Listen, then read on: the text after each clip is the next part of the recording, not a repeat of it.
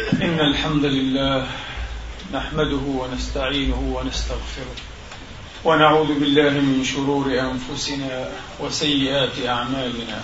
من يهده الله فلا مضل له ومن يضلل فلا هادي له. وأشهد أن لا إله إلا الله وحده لا شريك له. وأشهد أن سيدنا ونبينا وحبيبنا محمدا عبد الله ورسوله صلى الله تعالى عليه وعلى آله الطيبين الطاهرين وصحابته المباركين الميامين وأتباعهم بإحسان إلى يوم الدين وسلم تسليما كثيرا. عباد الله أوصيكم ونفسي الخاطئة بتقوى الله العظيم ولزوم طاعته. كما أحذركم وأحذر نفسي من عصيانه ومخالفة أمره. لقوله سبحانه وتعالى من عمل صالحا فلنفسه ومن أساء فعليها وما ربك بظلام للعبيد. ثم أما بعد أيها الإخوة المسلمون الأفاضل أيتها الأخوات المسلمات الفاضلات يقول المولى سبحانه وتعالى في كتابه العظيم بعد أن أعوذ بالله من الشيطان الرجيم.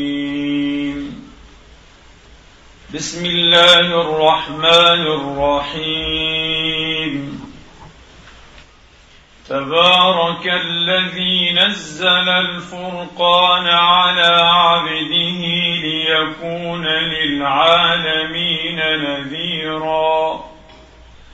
الذي له ملك السماوات والأرض ولم يتخذ ولدا ولم يكن له شريك في الملك وخلق كل شيء فقدره تقديرا واتخذوا من دونه آلهة لا يخلقون شيئا وهم يخلقون ولا يملكون لأنفسهم ضرا ولا نفعا ولا يملكون موتا ولا حياة ولا نشورا وقال الذين كفروا إن هذا إلا إفك افتراه. إن هذا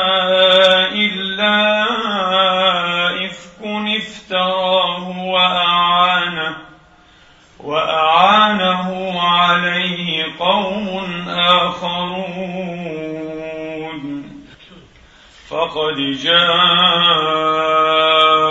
ظلما وزورا وقالوا أساطير الأولين اكتتبها فهي تملى عليه بكرة وأصيلا قل انزله الذي يعلم السر في السماوات والارض انه كان غفورا رحيما وقالوا ما لهذا الرسول ياكل الطعام ويمشي في الاسواق لولا أنزل إليه ملك فيكون معه نذيرا أو يلقى إليه كنز أو تكون له جنة يأكل منها. وقال الظالمون إن تتبعون إلا رجلا مسحورا. انظر كيف ضربوا لك الأمثال فضلوا فضلوا فلا يستطيعون سبيلا. صدق الله العظيم. وبلغ رسوله الكريم. ونحن على ذلك من الشاهدين. اللهم اجعلنا من شهداء الحق. القائمين بالقسط. آمين. اللهم آمين. أيها الإخوة الأفاضل أيتها الأخوات الفاضلات قبل أيام وفي قناة الحياة التنصيرية قام كبيرهم يدعو ويجدد دعوة إلى فتح ملفات تتعلق بالقرآن العظيم وبالسنة المطهرة على صاحبها أفضل صلاة وأزكى سلام بحجة أن هذا الدين موضع تساؤل. هكذا على حد تعبيره يريد موضع شك وموضع ريبة. وهذه الملفات كما ذكرها أيها الإخوة ملف الناسخ والمنسوخ في القرآن وكم أبدأ فيه وأعاد. وأورث بعض الأغتام والطغام من المسلمين من عوام المسلمين شبهات وريب والعياذ بالله شبهات وريبة. الناسخ والمنسوخ في القرآن. مشكلة أو مسألة الغرانيق. وما ألقى الشيطان على لسان رسول الله صلى الله عليه وآله وأصحابه وسلم. مشكلة الناسخ والمنسوخ كما قلنا والغرانيق وهما مشكلتان قرآنيتان على ما يزعم. أما في السنة المطهرة فهناك على حد تعبيره مشكلة زواجه من طفلة يريد عائشة رضي الله عنها وأرضاها. ومشكلة زواجه من زوجة ابنه يريد متبناه زيد ابن حارثة. ومشكلة سمه أنه سم وهو نبي. إذا ليس معصوما وليس محفوظا. وأكبر من هذا مشكلة سحره سحر وتسلطت عليه الشياطين والأرواح الخبيثة. وأورثته ذويا وضعفا وتخيلات فاسدة. حاشاه وكلا صلى الله عليه وآله وأصحابه وسلم. ومشكلة رضاع الكبير. أنه أجاز رضاع الكبير وبه تحصل المحرمية أيها الإخوة. هذا الرجل الضال المضل الزائغ المزيغ والعياذ بالله. للأسف كما صرح هو يبدو أن نفر من علماء المسلمين يتابعون أيضا ما يلقيه وما يشبه به ويشغب. يتابعون وذكر هذا بالدليل. وأما ما أورثته أضاليله أيها الإخوة ومخاريقه وحماقاته من شبهات وريب لبعض العامة فكثير للأسف الشديد ويبدو أنه يتزايد وقد أشرت مرة إلى أن من البلاء إلى أن من البلاء الذي يصاب به بعض المسلمين والمسلمات أنهم مقصرون في تلاوة كتاب الله مقصرون في مطالعة سنة مصطفى مقصرون في التزود. أيها الإخوة من العلم النافع إلا أنهم في ذات الوقت أو في الوقت ذاته حريصون للأسف الشديد على أن يتابعوا هذه الأضاليل وهذه الشبه والتشغيبات المتهافتة لا أدري لماذا يسعون إلى فتنة أنفسهم. وليس لهم من العقل أيها الإخوة مسكة يتمسكون بها. وليس لهم من العلم معقل يعقلون إليه أيها الإخوة ويأزرون يمنعهم ويعصمهم من أن يصيروا من يقين إلى ريب وربما من إيمان إلى كفر والعياذ بالله تبارك وتعالى. فانتدبت نفسي مستعينا بالله تبارك وتعالى أن أتكلم أيها الإخوة وقد أسلفت فيما مضى جملا من الكلام في هذه المسائل جميعها لكن تارة على جهة التفصيل وتارة أخرى على جهة الإجمال. فاستعنت بالله تبارك وتعالى أن أفصل القول أيضا فيما لم أسلف فيه تفصيلا في هذه الشبهات وفي هذه المشاغبات. ولنجعل اليوم المقام مختصا بالحديث عن مسألة سحره صلى الله عليه وآله وأصحابه وسلم. وهي للأسف ومن أسف ثابتة في الصحيحين من رواية أم المؤمنين عائشة. والقضية باختصار كما في الصحيحين أنها أخبرت أيها الإخوة أن الرسول عليه الصلاة والسلام قد سحر واعتل بسبب هذا السحر. وفي رواية ابن عيينة حتى كان صلى الله عليه وسلم يخيل إليه أنه يأتي النساء ولا يأتيهن. يرى نفسه أنه أتى أهله نام مع أهله ولم ينم إيه؟ معها أو معهن. قال سفيان وهذا أشد ما يكون من السحر إذا كان كذا. يعني النبي أصيب بأشد ما يكون من السحر. شيء غريب. هذا في البخاري هذا في صحيح البخاري. نعم. من رواية سفيان بن عيينة شيخ المكيين شيخ أهل مكة رضي الله عنهم وأرضاهم أجمعين. لن نسوق الحديث بطول أنه طويل وليس هذا ما قصدنا إليه ولا ما عمدنا وإنما شأن آخر أيها الإخوة سحر واعتل هذه العلة بسبب هذا السحر صلى الله عليه وآله وأصحابه وسلم ثم دعا الله ودعا حتى أفتاه الله فيما استفتاه فيه. أشعرت يا عائشة أن الله قد أفتاني فيما استفتيته فيه أي أجابني إلى ما طلبت أجابني فيما سألت. فأرسل إليه رجلين وفي رواية ملكين أيها الإخوة وفي بعض الروايات ما ظاهره أن هذا كان رؤيا منامية وهذا هو الأرجح فأخبراه وفي بعضها ما يشتم منه أنهما جبرائيل وميكائيل عليهما السلام أخبره وهما يتحاوران. وهو مضطجع أيها الإخوة أحدهما عند رأسه والآخر عند رجليه أخبرا بمن طبه أي بمن سحره يهودي لبيد ابن الأعصم من بني زريق ونحن لا نعرف أيها الإخوة في قبائل اليهود قبيلة يقال لها بنو زريق وإنما بنو زريق بطن مشهور من بطون الأنصار من الخزرج. ولذلك ورد في روايات أخرى لبيد ابن الأعصم حليف بني زريق. وفي بعضها أنه لم يكن يهوديا وإنما شبه شبه بأنه يهودي. اضطراب اضطراب في الروايات اضطراب في هذه الألفاظ. هل هو يهودي؟ هل هو من الأنصار؟ هل هو منافق؟ أيها الإخوة هل أسلم أصلا؟ اضطراب. كل ذلك وردت به روايات وردت به روايات. وإلا ليس في قبائل اليهود قبيلة تعرف ببني زريق هؤلاء الأنصار. هذا خطأ واضح في الرواية. على كل حال المهم هذا اليهودي سحره.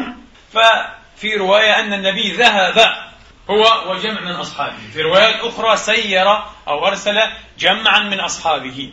في رواية استخرجوه وفي رواية ذهب ولم يستخرج. وسألته عائشة في هذه الرواية هل استخرجته؟ قال أما أنا فقد شفاني الله سبحانه وتعالى أي برأت. نعم. ونشطت من عقالي فخشيت أو فكرهت أن أثور. وفي رواية أثير أثور على الناس شرا. آه. كرهت أن أثور أي أثير على الناس شرا. وأمر أمر بها فدفنت أي بالبئر. وفي هذه الرواية أنه سحر أيها الإخوة بأخذ شيء من أثره كما هو معروف لدى العامة والخاصة في مشط ومشاطة وجف طلعة ذكر. وجف طلعة ذكر. طبعا هي تقال للذكر وللأنثى ولذلك قيدها بقوله ذكر وهو الغشاء الذي يغشى به طلع النخل. والمشاطة هي ما يتساقط من شعر المرء إذا مشط أي سرح بالمشط أو بالمشط والمشط أفصح بالضم المهم إذا أخذ شيء من أثره وهو شعره وسحر فيه عليه الصلاة وأفضل السلام.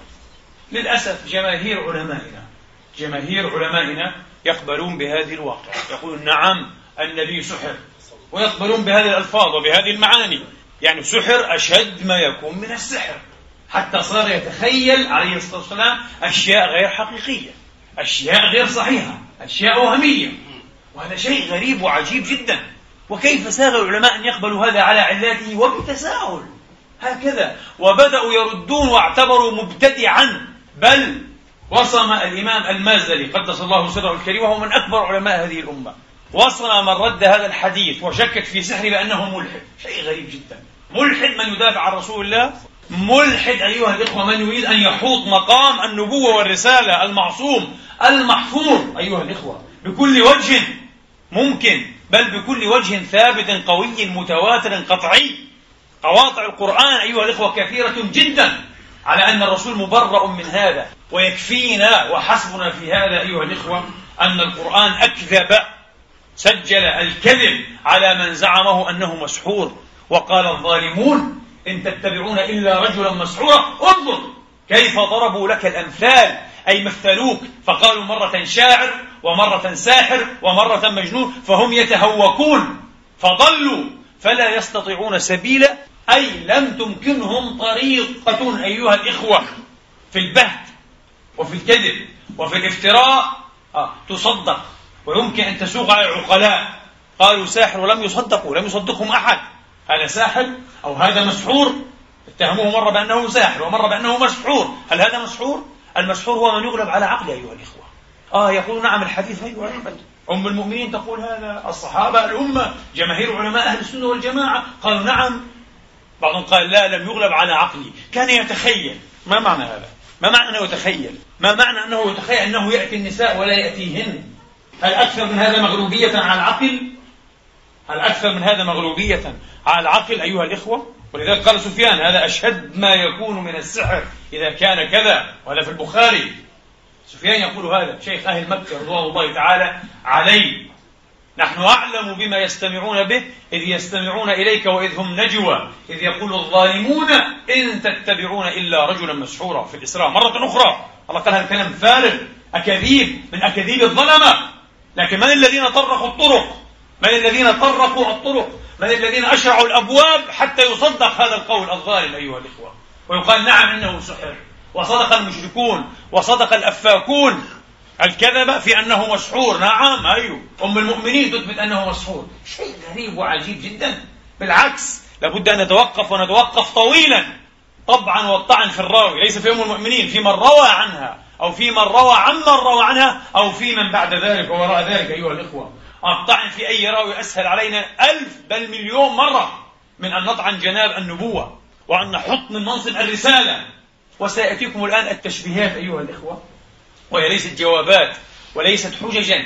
التي أجاب أو زعم هؤلاء العلماء الأفاضل أنهم أجابوا بها عن هذه الشبهات. لا تساوي شر ونخير. كلها كلام فارغ في فارغ. سيأتيكم الآن. آه. فلا بد من قول الحق في هذه المسألة أيها الأخوة. أولا أحب أن نقول وبالله التوفيق. كلامنا في هذا المقام إن شاء الله تعالى سيدور أكثره بل معظمه وأغلبه على المتن وعلى المعنى. أما الإسناد فلنا فيه كلام مطول جدا لا يمكن أن تفي به خطبة واحدة. إسناد هذا الحديث كلام في أسانيده. ثانيا أيها الإخوة لو بدأنا بعصمة الرسول عليه الصلاة والسلام العصمة التي يتحدث عنها علماء الكلام أي علماء العقيدة وأصول الدين أيها الإخوة. هذه العصمة ليست معناها صحيحة وثابتة بأدلة كثيرة في الكتاب والسنة ليست هي الأليق بلفظ العصمة الوارد في قوله والله يعصمك من الناس. الأليق بالعصمة الواردة في سورة المائدة والله يعصمك من الناس هي الممنوعية من أذى الناس. وليست الممنوعية من أن يخطئ مع أنه لا يخطئ إن شاء الله تعالى على تفصيل أقوالهم في ذلك أيها الإخوة. ما بين كبائر وصغائر وقبل النبوة وبعدها. موضوع معروف ومقرر الحمد لله هذا خاصة والعامة لكن ما معنى الله يعصمك من الناس؟ قال سأوي إلى جبل يعصمني من الماء يمنعني. إذا أنت ممنوع. الله يتحدث عن ممنوعيته صلى الله عليه وآله وأصحابه وسلم. والساحر أليس من الناس؟ الساحر من الناس. والرسول لابد أن يكون معصوما منه. ثم بعضهم جاء أيها الإخوة وتحاذق قال ولكن هذه الآية من سورة المائدة. وسورة المائدة من أواخر السور نزولا فظن هذا المسكين أن معصوميته تأخرت لتأخر الآية. وهذا غاب عنه أكثر بكثير أيها الإخوة مما دراه قل لمن يدعي أقول في التفسير فلسفة عرفت شيئا وغابت عنك أشياء عصمته ثابتة في آيات وآثار وأخبار كثيرة جدا. من نحو قوله تبارك وتعالى أليس الله بكاف عبده؟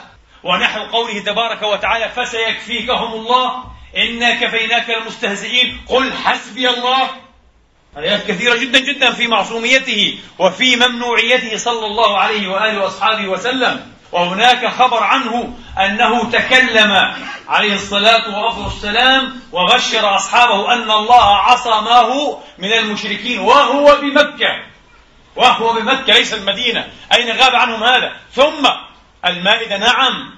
وهي سورة العقود كما يقال من أواخر ما نزل من القرآن العظيم بلا شك. نعم. وهذه الآية متأخرة جدا عن قصته صلى الله عليه وسلم التي أخبرت عنها عائشة وهي ثابتة. قالت كان النبي في المدينة يحرس فحرسه ذات ليلة سعد بن أبي وقاص وحذيفة فأطل برأسه عليهما من قبة قبة مضروبة. من قبة وقال الحقوا بملاحقكما فإني قد عصمت. أنا معصوم لا أريد هذه الحراسة. هذه القصة متقدمة كثيرا على آية المائدة. ومن جعلها سبب النزول فقد أخطأ كما قال شيخ الإسلام الطاهر بن عاشور في تحريره وتنويره. متقدمة جدا. وأيضا قصته في غزوة ذات الرقاع سنة ست مع غورث بن الحارث وهي مشهورة جدا. جاء غورث وكان في المشركين أيها الإخوة. جاء غورث وكان مشركا ووجد النبي قد نام تحت شجرة في غزوة ذات الرقاع وتعلق سيفه بالشجرة. فاخترطه تناوله واخترطه وقام على رأسه وصرخ من يمنعك مني؟ فنظر إليه النبي في هدوء وفي دعة وفي سكينة. النبي صاحب اليقين أيها الإخوة وقال الله! فسقط السيف إلى آخر القصة. وهذه متقدمة على آية والله يعصمك من الناس في المائدة. هذا مقام وهذا مقام. هذه واحدة. ثانيا الذين مشوا أيها الإخوة وأقروا بالسحر وقالوا سحر قالوا هذا السحر لا يحط من منصب النبوة ولا يشغب على المعجزة ولا يشكل أدنى شائبة على رسالته وتبليغه قلنا لماذا؟ نفر منهم قالوا أيها الإخوة قالوا لأنه مرض من الأمراض والرسول غير معصوم وغير ممنوع أن يمرض والأنبياء يتمرضون صحيح يعتلون وتصيبهم الحمى ويصدعون أو يصدعون بل وغير معصوم من القتل غير معصوم الأذية منهم من نشر بالمناشير أو بالمآشير. آه. منهم من قطعت رأسه أيها الإخوة. منهم من عذب وهكذا. صحيح. ولكن جعلوا السحر مرضا شيء لا أفهمه. فهما حقيقتان متباينتان. المرض له أسبابه الطبيعية التي خلقها الله تبارك وتعالى وهي الممرضات بشتى صنوفها وألوانها؟ والسحر شيء آخر. السحر أيها الإخوة إن تركنا كلام الفخر الرازي وأمثاله وهو كلام جيد وفيه تفصيل وإسهاب ذكر ثمانية أنواع وضروب للسحر. أيها الإخوة. لكن يمكن أن يقال إنه نوعان رئيسان. سحر تخيل وهو مخرقات وشعبذات وحيل وسرعة يد وخفة يد كالسحر المعاصر الذي نراه في السحرة الذين تغص بهم شاشات الفضائيات.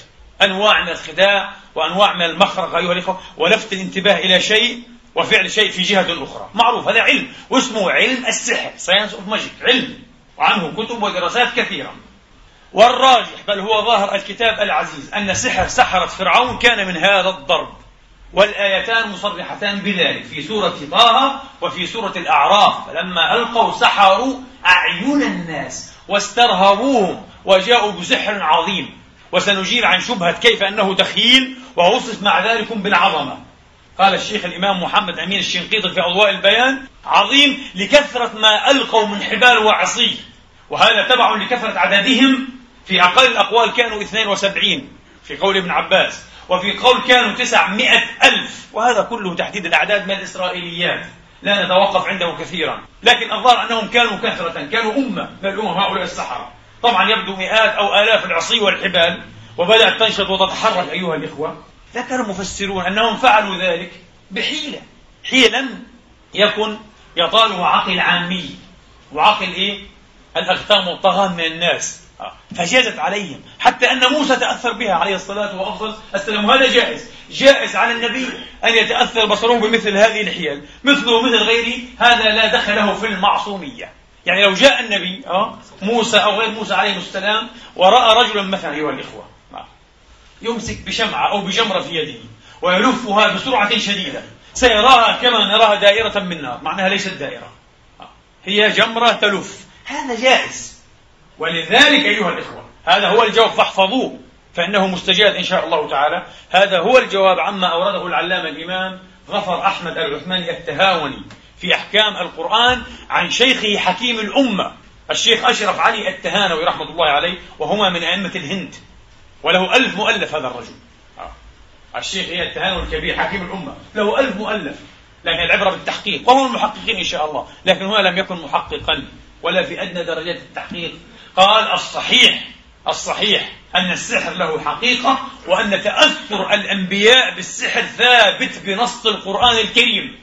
عجيب يعني يسحرون. من أين أخذت هذا يا حكيم الأمة؟ قال من قوله تبارك وتعالى يخيل إليه من سحرهم أنها تسعى فأوجس في نفسه خيفة موسى. قل هذا ليس بشيء لم تأتي بشيء. لماذا؟ لأن الله قطع فقال يخيل إليه. من سحر. وهذا مخيل لجميع الناس وإنما العبرة. هل هذا السحر سحر حقيقي قلب الأعيان كما يقال؟ وهل يبلغ سحر الساحر أن يقلب الأعيان؟ فيقلب الحي جمادا والجماد حيا. نحن نقول هذا مستحيل. ومن أسف قال به جماعة أيضا من علماء الأمة. وهذا كلام فارغ. هذا كلام فارغ. خاصة الآن في عصر العلم ظهر أن هذا كلام فارغ. ويستحيل أن يثبت ذلك. وإنما قصاراه التخييل. تتخيل هذا. إن بأسباب خفية لطيفة من حيل العلم والفيزياء وما إلى ذلك أيها الإخوة. آه. وإن بأسباب أخرى. المهم التخييل. فإذا كان هذا تخييلا فإنه يجوز أيها الإخوة أن يسوق على موسى وعلى غير موسى وليس في هذا الشيء.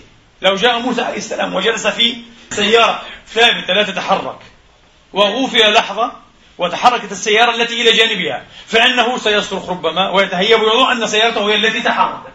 لو أجلسنا موسى عليه السلام أو محمدا في طائرة أيها الإخوة وعلت في في جوزاء السماء وليس هناك أي مرجع إسنادي خارجي من قطعة غير أو ما إلى ذلك فإنه سيظن ويخال أن الطائرة واقفة. إذا كانت تسير بحركة منتظمة أو ركب الأسانسير. نفس الشيء هذا لا يعصم منه بشر لأنه ليس فيه منقصة ولا فيه حط لا من بشريته ولا من نبوته. شيء طبيعي. ينال الإنسان ينال أي إنسان بما هو إنسان. شيء طبيعي. وأخطاء البصر.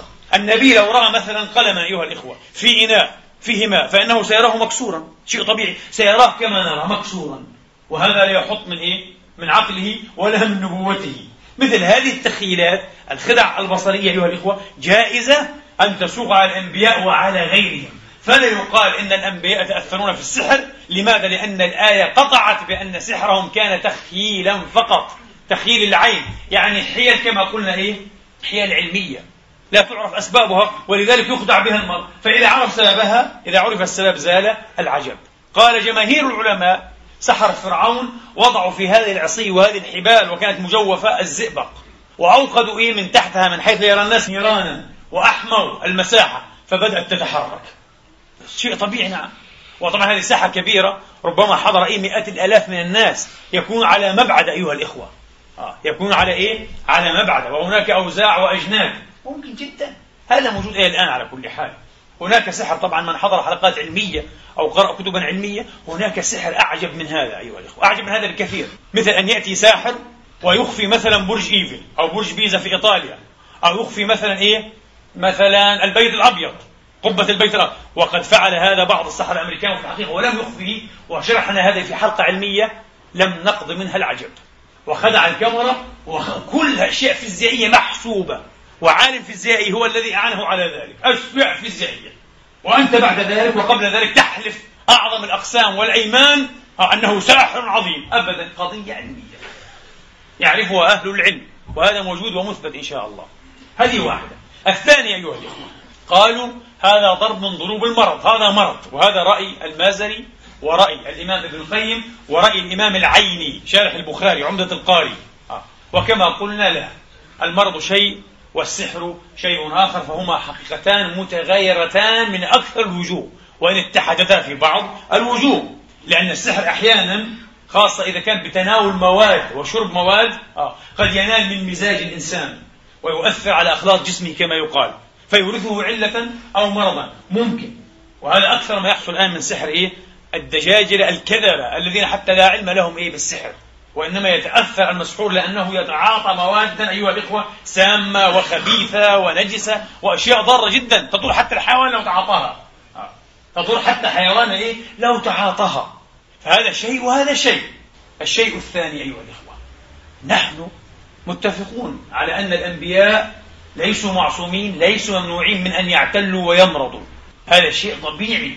ولم يقل أحد أن شرط النبي أيها الإخوة أن يكون أصح الناس جسما وأنه لا يناله مرض. لم يقل أحد هذا. كما لم يشترط أحد في النبي أو الرسول أن يكون أقوى الناس قوة وأكثر الناس عافية بحيث لا يصرعه أحد ولا يقدر عليه أحد. لم يقل أحد هذا.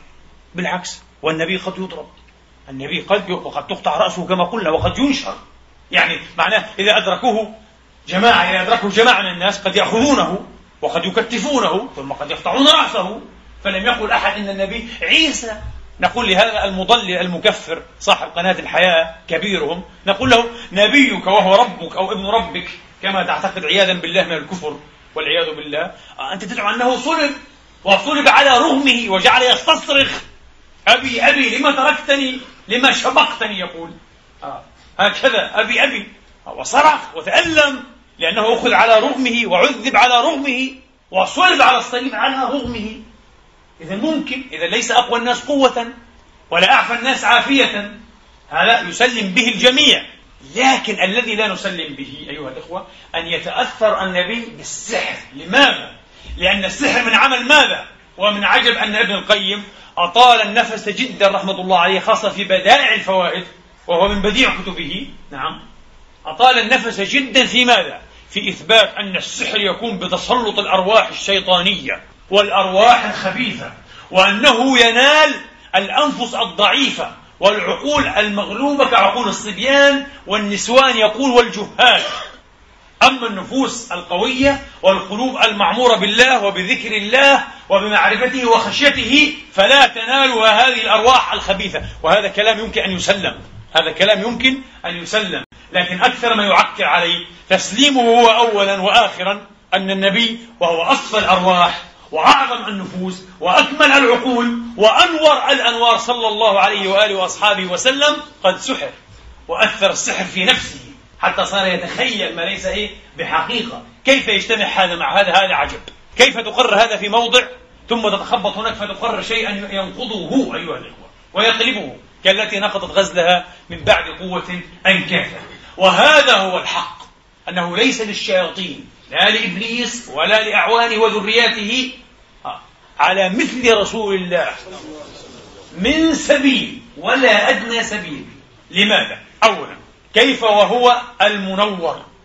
مجاب الدعوة الذي كان يقول اجعل لي في قلبي نورا وفي سمعي نورا. وفي بصري نورا وفي لحمي نورا وفي عظمي نورا وفي دمي نورا وفي بشري نورا وأتمم لي نوري. وقد كان كذلك. واحد. ثانيا قلبه أطهر أطهر وأوسع وأعمق وأثبت وأخشى وأتقى وأنور القلوب إلى يقظة لا تغفل. وفي الصحيح عن عائشة ذاتها رضوان الله تعالى عنها أنه جاء بعد العشاء ولم يصلي. أي الوتر أيها الإخوة. ونام. قالت يا رسول الله تنام قبل أن تصلي؟ قال يا عائشة تنام عيناي ولا ينام قلبي. لحظة غفلة أيها الإخوة غير موجودة.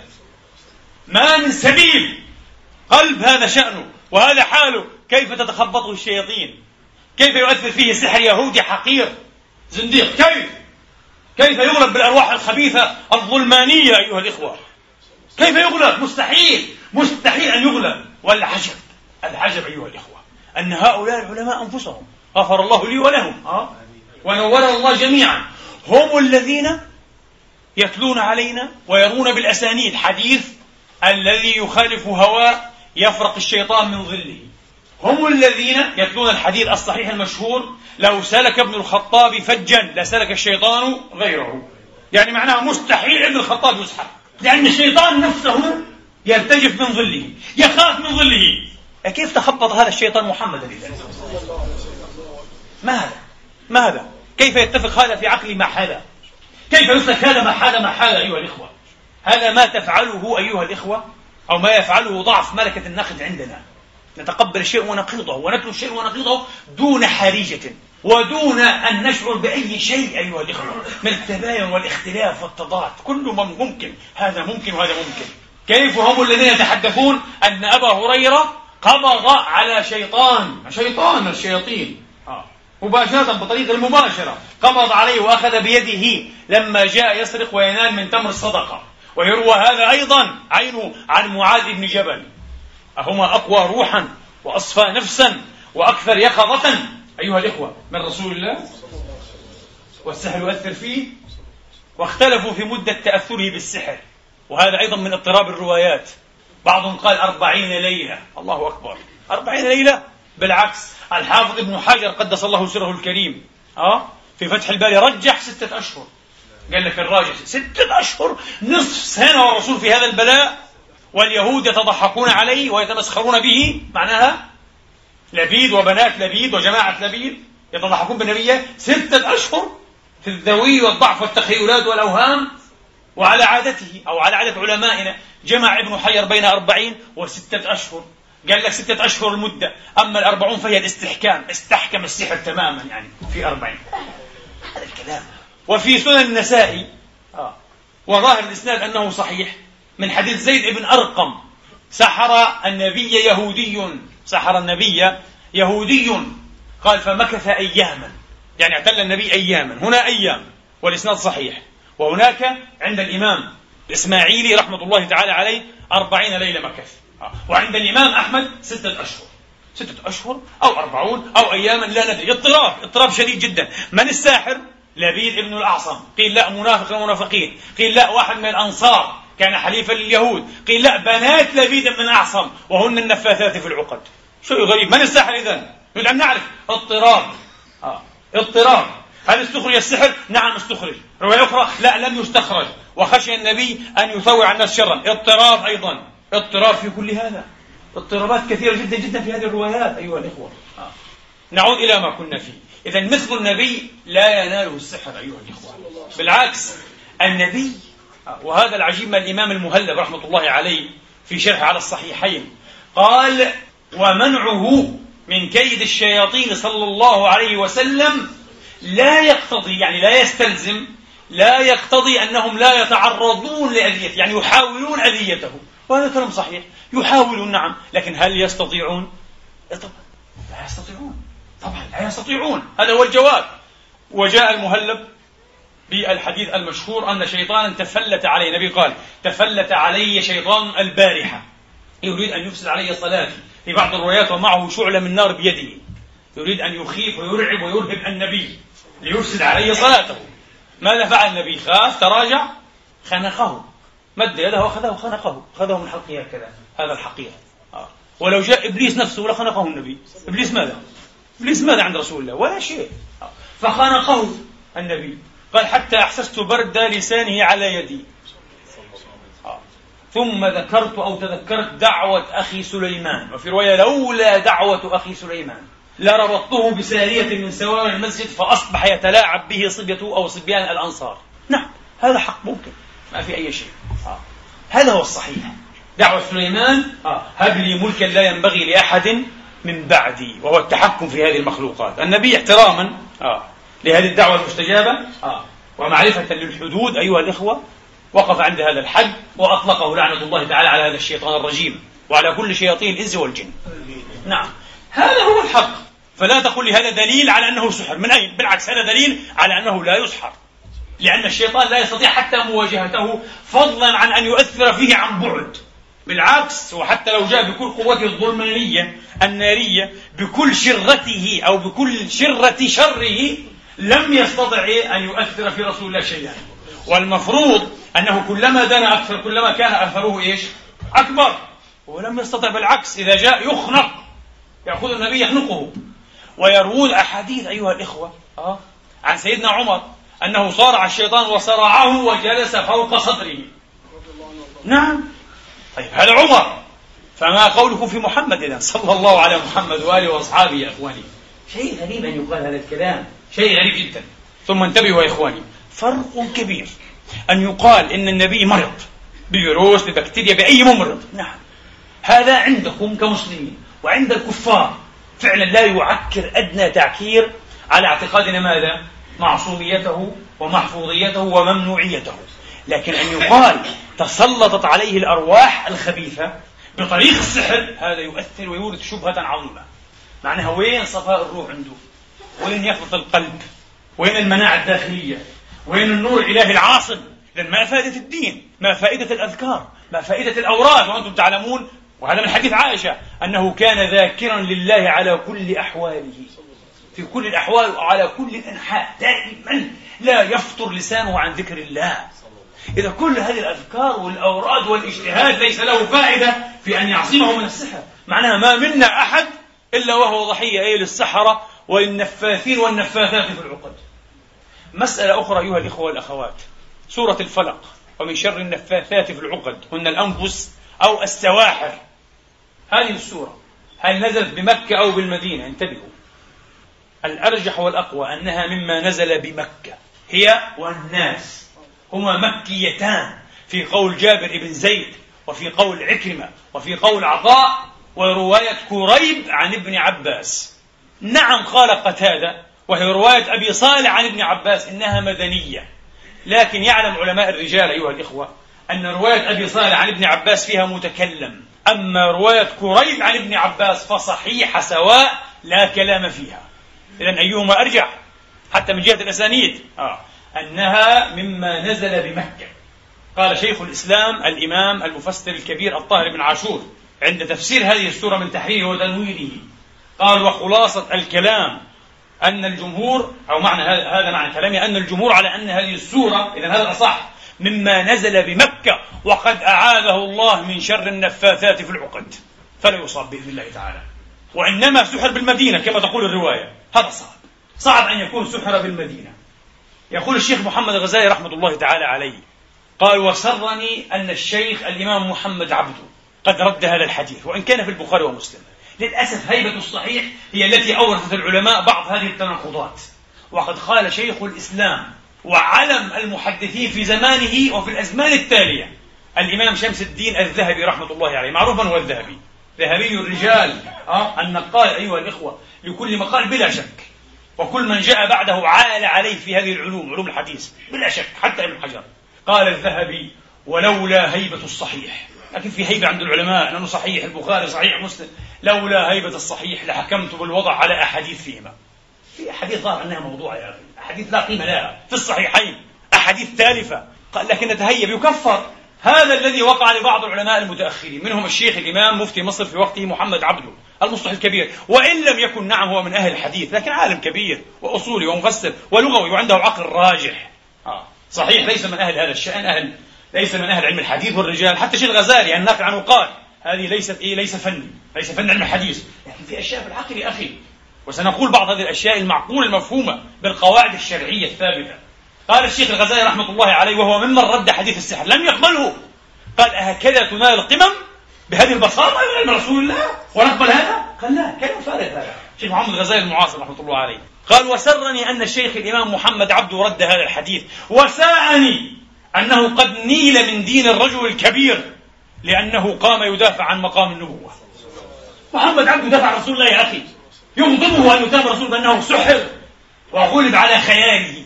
أما الذين قالوا لا إنما غلب على بدنه ولم يغلب على عقله مردود. أنتم تقولون كان يتخيل أشياء ليست حقيقية. هذا بدن أو إياه عقل يا إخواني. لذلك قال الشيخ الإمام ابن عاشور في كتابه النظر الفسيح.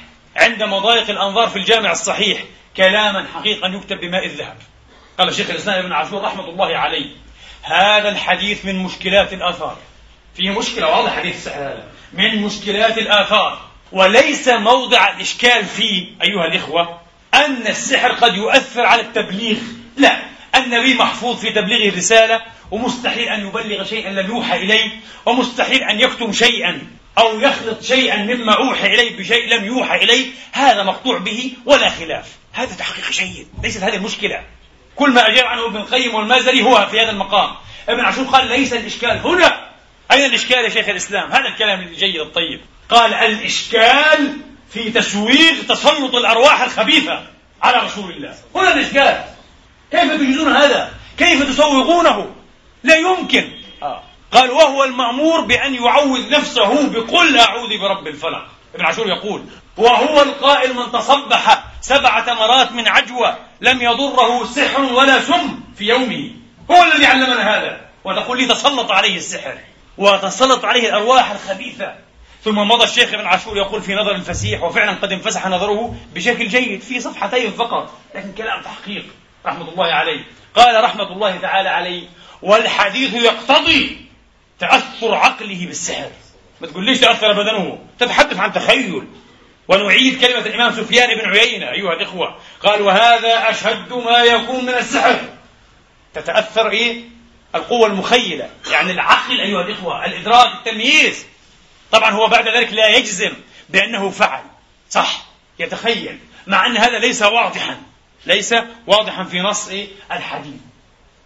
في في مرسل عائشة أيها الإخوة مرسل آخر عن عائشة أنه كاد يغلب على بصره. خلاص يرى أشياء غير موجودة ولا ربما لا يرى أشياء موجودة وفي حديث آخر مرسل غلب على بصره. ماذا؟ وكل هذا جائز عندكم؟ سهل هذا؟ مسلم لرسول الله؟ والله. وأنا أحلف على منبر رسول الله. والله. لو قيل هذا الآن في حق عالم يعتقد صلاحه إلى علمه. عالم عالم عادي ممكن آه. لكن عالم صالح. الناس يعتقدون أنه صالح وبركة. صالح وبركة. آه. لو قيل إنه سحر والله لنقص من مرتبته وحط من مقامه في أنفس الناس وفي أنفس أقرب الناس إليه. وأنا أحلف وأعرف ماذا أقول. صحيح أو غير صحيح؟ صحيح. يقول لو كان صالحا لو كان وليا لو كان مؤيدا آه. لما تخبطته الشياطين لما غلب إيه؟ على نفسه يا أخي. بالحبس. أين هذا الصالح من الإمام أحمد بن حنبل؟ سيقولون يقارنون. أين هذا الصالح من أحمد بن حنبل الذي يروون لنا ويحكون لنا؟ وقد تكون مجرد حكاية الله أعلم. ولا تستبعد عن مثل أحمد. قدس الله سره الكريم. شيخ الإسلام. آه. أنه جاءه رجل يستغيث به أيها الإخوة يطلب عونه في قصة مس شيطاني. يريد منه أن يذهب معه ويقرأ على أي الممسوس فلما عندوش وقت يا أحمد. فأعطاه حذاءه أو أعطى ابنه عبد الله حذاءه فلت حذاء واحدة. قال له اذهب إلى هذا الخسيس الشيطان أه؟ وقل له يقول لك أبي أخرج. كلمتين. فذهب ومعه الحذاء. قال يقول لك أبي أبو عبد الله أحمد بن حنبل أخرج وإلا ضربتك. قال سمعا وطاعة لأبي عبد الله. قال الجني والله لو أمرنا أبو عبد الله أن نغادر العراق كلها لغادرناها. الله أكبر جميل. تحكون لنا هذه الحكايات ما شاء الله عن أحمد بن حنبل. فما بالكم بمحمد رسول أحمد بن حنبل. تحكون لنا الحكايات عن أن الشيطان يفر من ظل عمر. فما بالكم بنبي عمر وتاج رأسه محمد صلى الله عليه وآله وصحبه وسلم. لما هذا السكوت؟ لما هذا التساكت؟ لما هذه التناقضات؟ لا نقبل هذا. في حق رسول هذا غير مقبول. قال الإمام شيخ الإسلام الخطيب البغدادي في الكفاية في علم الرواية وناهيكم به هذا ممن جاء عالة عليه الذهبي نفسه عال. جاء بعده وكان عال على الخطيب البغدادي. معروف من هو الخطيب البغدادي؟ قال في, في الكفاية باب ما يرد به خبر الواحد. أي أيوة وإن كان صحيحا. سأرد حديث في البخاري في مسلم في البخاري ومسلم أه خبر واحد ما لم يتواتر. ما لم يتواتر. إذا خبر الواحد قد يرد أيها الإخوة. وكأي من خبر صحيح الذي أسنده عن رسول الله صحابي واحد. ليسوا عشرة أو عشرين من الرواية وإنما صحابي واحد. عمر مرة أنس مرة ابن عمر أخرى أبو هريرة ابن عباس ورده الصحابة. فاطمة أيها الأخوة بنت حبيش إلى آخره ورده الصحابة. كأي من حديث ردته عائشة على أبي هريرة وعلى عمر وابن عمر وعلى غيرهم. وهو حديث صحيحة الصحابي يروي عن رسول الله. تقول لا لأن هناك قواطع هناك محكمات هناك ثوابت أي شيء يخالف القواطع والمحكمات ننسب الخطأ إلى القواطع والمحكمات أو إلى خبر الواحد. إلى خبر واحد. لأن الواحد قد يخطئ قد ينسى قد يعتريه وهم أو ذهول أو غفلة. ممكن جدا. قد يسيء سمعا فيسيء فهما فيسيء حفظا فيسيء أداء فيسيء أداء. هذا ممكن. وكثير جدا جدا. لا نريد أن نطول بذكر هذا. هذا معروف لدى كل العلماء وطلاب العلم. فسهل جدا أمر الخبر الواحد. سهل جدا أن نرده مقابل أن نحافظ على القطعيات. القطعيات أيها الإخوة معصومية الرسول محفوظية الرسول ممنوعية الرسول جلالة مقام النبوة جلالة مقام الرسالة. لا نريد أن نطرق طرقا أن نعبد طرقا يعني أن نطرق طرقا وأن نفتح ونشرع أبوابا لزنادقة النصارى واليهود والعلمانيين أن يشككون في هذا الدين. لأننا نأبى أن نشكك في حديث أحاد لأنه في البخاري أو في مسلم. لا هذا حديث أحاد نرده ما في عندنا أي مشكلة. تناقض مع القطعيات يرد. هناك أحاديث صحيحة ولا بد من ردها. هذا يحتاج أيضا تفصيل إلى مقام آخر. لا بد من ردها. وواضح أنها تالفة. أيها الإخوة. واضح أنها تالفة مئة في المئة من جهة المعنى. وإن كانت أسانيدها صحاحا. لذلك اسمعوا ماذا قال شيخ الإسلام الحاكم. ليس حافظا أو محل. هو حاكم. والحاكم أقل درجة من أمير المؤمنين في الحديث. وهو الذي حفظ عظم السنة فلم يفته إلا اليسير المنزور جدا منها.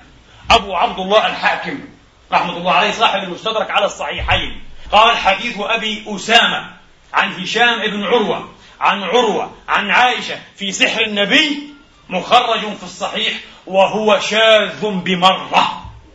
قال شاذ ما أحسن. نعم ما قال شيخ الإسلام الحاكم نعم ما قال. لماذا يقول الحاكم شاذ قال أنا أعرف أنه في الصحيح. وهو عنده قدرة كان له إيه؟ هو نفسه مخرج له كتاب في التخريج من أكبر علماء الحديث على الإطلاق رحمة الله عليه. قال هذا الحديث أعرف أنه في البخاري ومسلم. وهو شاذ بمرة. شاذ لمخالفته القطعيات. شاذ لمخالفته المتواتر أيها الإخوة الوقت ضيق للأسف. مثل هذا الحدث الجلل. مثل هذا الحدث الجلل. هل تتوفر الدواعي المقتضيات على نقله أو لا تتوفر؟ أه تتوفر تتوفر كل الدواعي وعلى الأقل كان لابد أن يرويه ثلاثون أو أربعون أو خمسون أو مئة من الصحابة صحيح؟ لماذا لم ترويه إلا عائشة؟ عائشة قال شيخ الإسلام ابن عاشور لا غير ولم يسد لأنه رواه عمر ورواه زيد بن أرقم ورواه أنس بن مالك أيها الإخوة ورواه عبد الله بن عباس فهؤلاء أربعة غير عائشة لكن الذي نقوله لم تصح أي رواية من هذه الروايات إلا رواية زيد بن أرقم عند النسائي وقد تفرد النسائي بروايتها من بين أصحاب الكتب الستة. لم يخرج حديث زيد لا البخاري لا مسلم ولا أي بقية الستة إلا النسائي. ولا بد أن تفحص فحصا جيدا حتى من جهة الإسناد. فهناك غرابة في هذا الحديث. الغرابة واضحة. والأمور التي تتوفر الدواعي على نقلها لا يرضى ولا يقبل فيها بالغريب. لا يغمض فيها على غريب. لابد أن يكون حديث مشتهرا. لابد أن يكون متواترا. لابد أن يكون متواترا. والعجيب أنه لم يروي عن عائشة على كثرة تلاميذها بالعشرات والمئات الرواة عنها إلا إيه؟ إلا عروة ابن الزبير ابن أختها أيها الإخوة. غريب واحد فقط. ولم يروه عن عروة إلا ابنه هشام وله بعض المتابعات أيها الإخوة. له بعض المتابعات لكن لا يصح للأسف.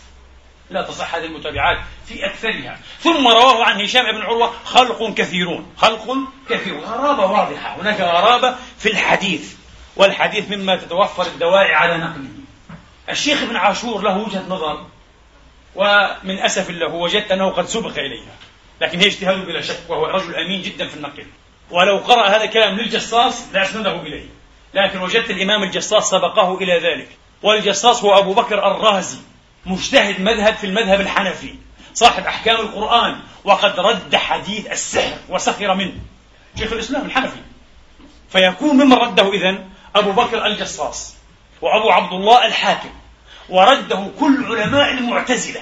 وجعله القاضي عبد الجبار في المغني في أصول العدل والتوحيد جعله من كلام الحشوية والعامة الجهلة. يعني كلام فارغ هذا. آه. حديث السحر هذا عبد الجبار. ورده الشيعة الإمامية كلهم. ردوا هذا الحديث. مذكور عندهم ولكن ردوها. قالوا لا يثبت على رسول الله أنه سحر. ورده من المعاصرين الشيخ محمد عبده والشيخ محمد رشيد رضا وشيخ الأزهر العلامة المفسر الشيخ المراغي في تفسيره رده وفنده. والشهيد المفسر سيد قطب رحمة الله تعالى عليه والشيخ محمد الغزالي وكثيرون بعد ذلك المعاصرين.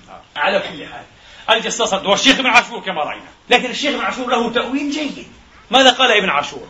قال الذي يظهر لي والله تعالى أعلم أن النبي ربما يكون قد اعتل في تلكم إيه؟ الفترة. وقارن اعتلاله محاولة لبيد أو غير لبيد سحره. يعني موافقة زمنية فقط. النبي يعتل مرض. نوي يمرض. كان يمرض كثيرا. وله أجران. في نفس الفترة التي إيش؟ كان يحاول اللعين هذا أن يسحر النبي. وخاصة أن اليهود كانوا يرهبون الرسول والمسلمين أو يحاولون إرهابهم بأنهم سيسحرونهم لأنهم يتعاطون أي هذا الفن الخسيس السحر. وزعموا أنهم نالوا منهم وسحروهم فلا يولد لهم ذكر. وخاف بعض المسلمين أوجزوا خيفة من هذا حتى ولد لهم عبد الله بن الزبير فكبروا وارتجت المدينة بالتكبير وكان هذا خاسئا لليهود يعني مخسئا وكان هذا خاسئا لليهود عليهم لعائن الله متتابعة. فحاول أن يسحر النبي. طبعا لم يفلح ولن يفلح. أفتح قوسين واحفظوا هذه الحجة.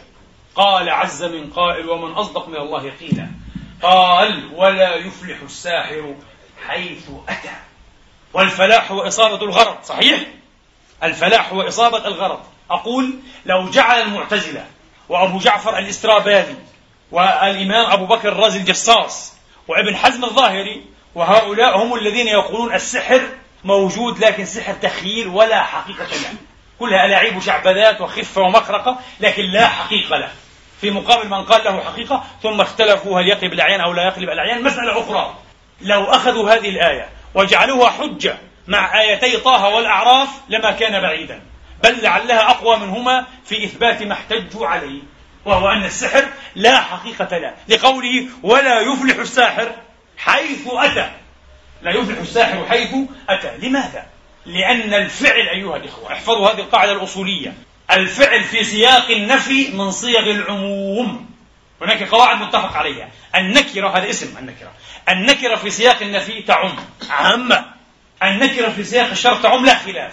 لكن هل الفعل في سياق النفي وفي سياق الشرط يعم؟ نعم على الصحيح الراجح إن شاء الله تعالى. لماذا؟ لأن الفعل عند علماء النحو ينحل عن مصدر وزمان وعند بعضهم عن مصدر وزمان ونسبة. فالمصدر كامن في مفهومه لا محالة قولا واحدا. والمصدر في معنى إيش؟ النكرة. المصدر في معنى النكرة. فآل الأمر إلى أنها نكرة في سياق النفي فتعم. لذلك قوله ولا يفلح الساحر حيث أتى. كيف يصير العموم هنا؟ العموم يصير أيها الإخوة أنه لا يصيب أدنى درجات الفلاح ولا أي نوع من الفلاح. بل هو خائب دائما وأبدا.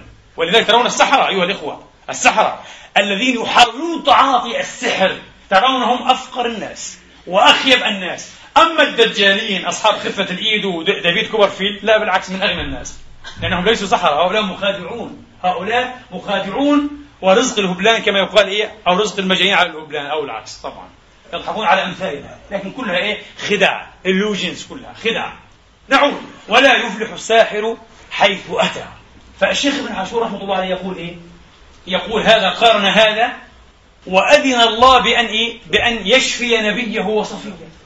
يريد أن يبرئه من مرضه وجعل له علامة. نصب له علامة إيه؟ على أنه يبرئه من المرض. من المرض. ما هي العلامة؟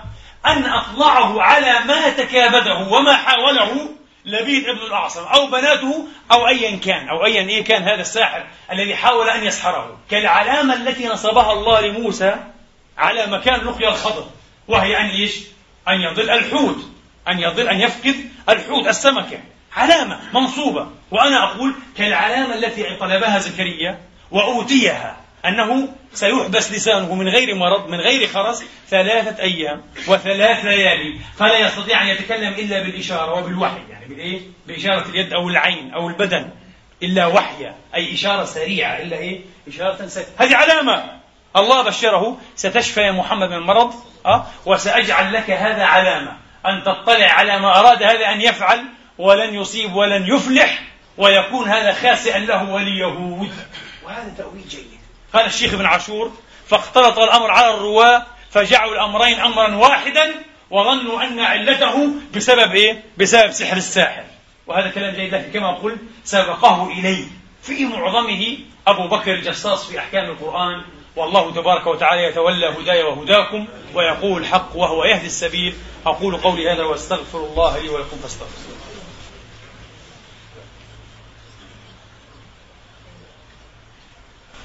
الحمد لله. الحمد لله الذي يقبل التوبة عن عباده ويعفو عن السيئات ويعلم ما تفعلون. ويستجيب الذين آمنوا وعملوا الصالحات ويزيدهم من فضله. والكافرون لهم عذاب شديد. وأشهد أن لا إله إلا الله وحده لا شريك له. وأشهد أن محمدا عبده ورسوله صلى الله تعالى عليه وعلى آله وأصحابه وسلم تسليما كثيرا. أما بعد أيها الإخوة والأخوات والعجب أيضا من بعض علمائنا المعاصرين. ولا أذكر أسماءهم حفظا لمقاماتهم ومن شيخ الإسلام أبي منصور الماتوريدي في تفسيره العظيم تأويلات أهل السنة أنه جعل بعد إقراره بأنه قد سحر جعل مسحوريته أيها الإخوة وعدم ممنوعيته من السحر وأثره من علامات النبوة وفيهما آيتان من آيات نبوته. كيف؟ قال الآية الأولى أن الله أعلمه بما سحر به وبالذي سحر. وهذا أمر كان سرا ولم يطلع عليه احدا. فيكون إنما اطلع على هذا الغيب بطريق الوحي فهي شهادة له. وهذا كلام في نظري لا يساوي المداد الذي كتب به. لماذا؟ لأن مثل هذا الأمر أيها الإخوة حصل بالمواطأة. وما يحصل بالمواطأة لا يغيب ولا بد أن يتفشى بعد حين ولا بد أن يتفشى بعد هذا على فرض أنه حصل. وقد روى الواقدي وعنه ابن سعد كاتب الواقدي في طبقاته أيها الإخوة. أن النبي لما رجع من الحديبية في سنة ست ورجع في ذي الحجة يقول الواقدي وهو من كتاب المغازي المشهورين مقبول في المغازي بشكل عام في الأحاديث ضعيف. وبعد ذلك دخل المحرم من سنة سبع جاء رؤساء يهود إلى لبيد بن الأعصم حليف بني زريق. حليف بني زريق ليس من بني زريق. يقول وحده حليف بني زريق. وقالوا له يا لبيد قد حاولنا سحر محمد آه، فما أصبنا شيئا أو ما فعلنا شيئا فهل تسحره لنا؟ وسنجزل لك إيه العطاء. فاتفقوا معه على ثلاثة دنانير. فالأمر إذا تم بالمواطأة ومثل هذا يشتهر يتسرب الخبر بسرعة. فيستطيع أن يقول لك هذا المنصر أو أي إنسان مضل آخر. لا ليس فيه أدنى إيه؟ أدنى علامة على نبوته لأن هذا الأمر شاع وتسرب ووصل إلى محمد. وإلا بالعكس سيتخذ حجة ضدنا وضد رسولنا. سيقال لك لو كان الوحي أبلغه لما لم يبلغه لليلة الأولى. لما لم يبلغه إلا بعد ستة أشهر كما رجح شيخكم ابن حجر في فتح الباري. إذا بعد أن تسرب الخبر زعم نبيكم أنه أتاه ملكان وأخبرا بالعكس ستكون حجة الظن ومن الصعب أن ننفصل عنها. هذه واحدة. والثانية قال أبو منصور الماتريدي قدس الله سره. ها؟ وهو إمام جليل أيها الإخوة. قال الماتريدي في توبة أهل السنة والعلامة الثانية على نبوته وأنها معجزة من الله أن الله شفاه وأبرأه من هذا السحر بتلاوة القرآن بتلاوة القرآن. فثبت أن هذا السحر يبطل بتلاوة إيه؟ القرآن الكريم. نقول هذا لا معنى له لأن القرآن كان يتنزل على قلبه منذ إيه؟ نحو عشرين سنة. منذ نحو عشرين سنة. أين القرآن؟ والصحيح يا أبا منصور أن المعوذتين مكيتان والنبي معصوم بهما فأين هما؟ أين هما؟ هذا كلام غير دقيق. ثم يقال أخيرا لما لا تقول كان أيها الإخوة الأوفق كان الأوفق أن يسحر أحد الصحابة حتى أبو بكر أو عمر. آه. صحابي كبير ما في مشكلة. يسحر أحد الصحابة والنبي يخبر بذلك والنبي يتلو عليه ويرقيه ويشفى آه. ليس النبي هو الذي يسحر. ها ونحط على قدر النبوة ثم نقول معجزة أنه تلا القرآن وشفي بإذن الله. لا. ليس هكذا أي تورد الإبل. ما هكذا؟ تورد يا سعد الإبل. نسأل الله عز وجل أن يعلمنا علما نافعا. اللهم علمنا ما ينفعنا وانفعنا بما علمتنا وزدنا علما. اللهم افتح علينا بالحق وأنت خير الفاتحين. اللهم رحمتك نرجو وتوفيقك نقصد. وتيسيرك نؤمل فلا تكلنا إلى أنفسنا طرفة عين ولا إلى أحد من خلقك يا رب العالمين.